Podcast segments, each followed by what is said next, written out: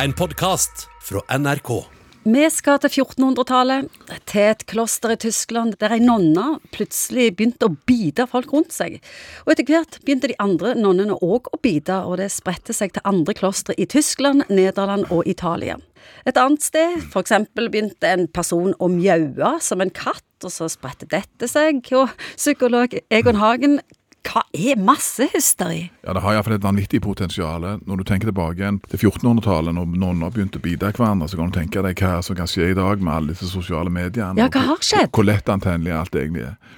Nei, altså det er jo, Hva er massehysteri? Altså Det er jo denne, altså en, på en måte en sånn individuell shutdown egentlig av egen tenkekapasitet. være en del av en bevegelse, være del av noe som er større enn seg sjøl, og slippe å reflektere, bare tenke at sånn er det. Hvorfor tenker han andre gjør det? Og Det er litt den der mentale latskapen. altså. Og så Noen ganger så er det det at hvis vi kommer inn i en sånn gnuflokk altså, Det er et eller annet der det, var noen som sa det gikk et gnutog fra en viss plass på Jæren inn til Sandnes. Og Det er et eller annet som skjer når du er i disse uh, flokkene. altså At du kobler litt ut eget ansvar. Meaning of Life-filmen, som er en helt sånn utrolig deilig bilde på det der kollektive og uh, åndssvakheten og mangel på refleksjon, når folk tror at det er sånn. Du sa åndssvakheten. Er de mindre intelligente, Nei, eller kan dette skje alle? Det er vel, som regel så er det sånn at folk med min bakgrunn, hvis vi påstår at enkelte grupper er mindre intelligente, så pleier det å komme ganske dårlig ut. Men la oss heller si det sånn at Da tolker jeg det på min måte. la oss heller si det sånn at det er nok en tilbøyelighet. Vi har noen ganger denne tilbøyeligheten til å ville ønske å være en del av en flokk. Det å være en del av flokken, fellesskapet, den kompakte majoritet, eh, noen ganger er ganske stor beskyttelse. Altså, du ser i forhold til mange andre stimdyr, stimfisker, stimfugler, så ligger det et element av beskyttelse det å være midt inne i flokken. Men det virker så hysterisk. Altså, latterepidemi i Tanzania i 1962. De lo i mange dager, uker. Og så besvimelsesepidemien på Vestbredden i 1983. Jo, men det er jo mange sånne hysteriske fenomener egentlig, som, som sett fra utsida. Og nå kan det være nonner som biter, det kan være lattergreier. Og det kan òg være ulike religiøse uttrykk egentlig, som, som sett fra utsida virker ganske eiendommelige, men som deles av ei gruppe. Så de kan oppleve en sånn kollektiv hysteri eller ekstase, eller føle at de kan snakke et annet språk osv. osv. Det er nesten ikke grenser for hva folk kan finne på når de befinner seg midt inn i en sånn stim. Hvorfor snakker vi om dette? Jo, vi tror kanskje noen ganger at eh, jeg har alltid sagt det når ungene var små, at det viktigste du kan gjøre egentlig i livet, det er å, å prøve å tenke sjøl.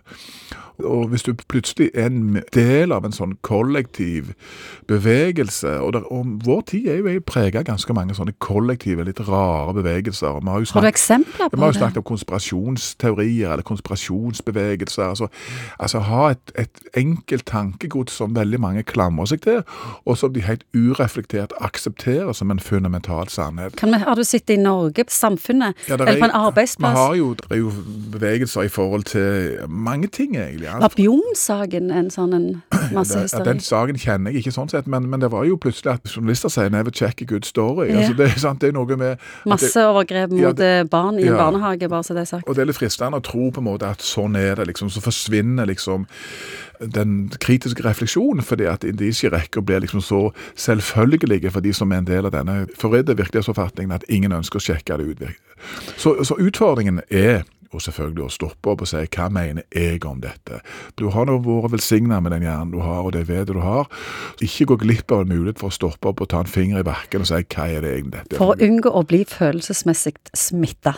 Tenk sjøl. Ja, tenk sjøl. Og det er jo selv om ting føles som det er fordømt riktig, det er vel viktige ting, så det trenger ikke være riktig i det hele tatt. Følelsene stoler vi altfor mye på, har du lært oss før? Ja, jeg syns, jeg syns at jeg, jeg la meg Nå skal jeg bli intervjua av en kollega av deg i radioen, og så var det spørsmål om var en klemming, husker jeg. Folk som ikke liker klemmer, er de som er følelseskalde. Så jeg ja, men om de så var det, så jeg. Jeg vil jo mye heller ha en rasjonell og oppegående person enn en som er full i føleri. Så det er et eller annet vi har snudd på mange, mange av disse. Hva er det som gir verdi? Jo, det å føle veldig mye gir mye verdi. Ah, maybe not. Gi meg et klart intellekt anytime. Jeg syns det er mye bedre. Du har hørt en podkast fra NRK. Hør flere podkaster og din NRK-kanal i appen NRK Radio.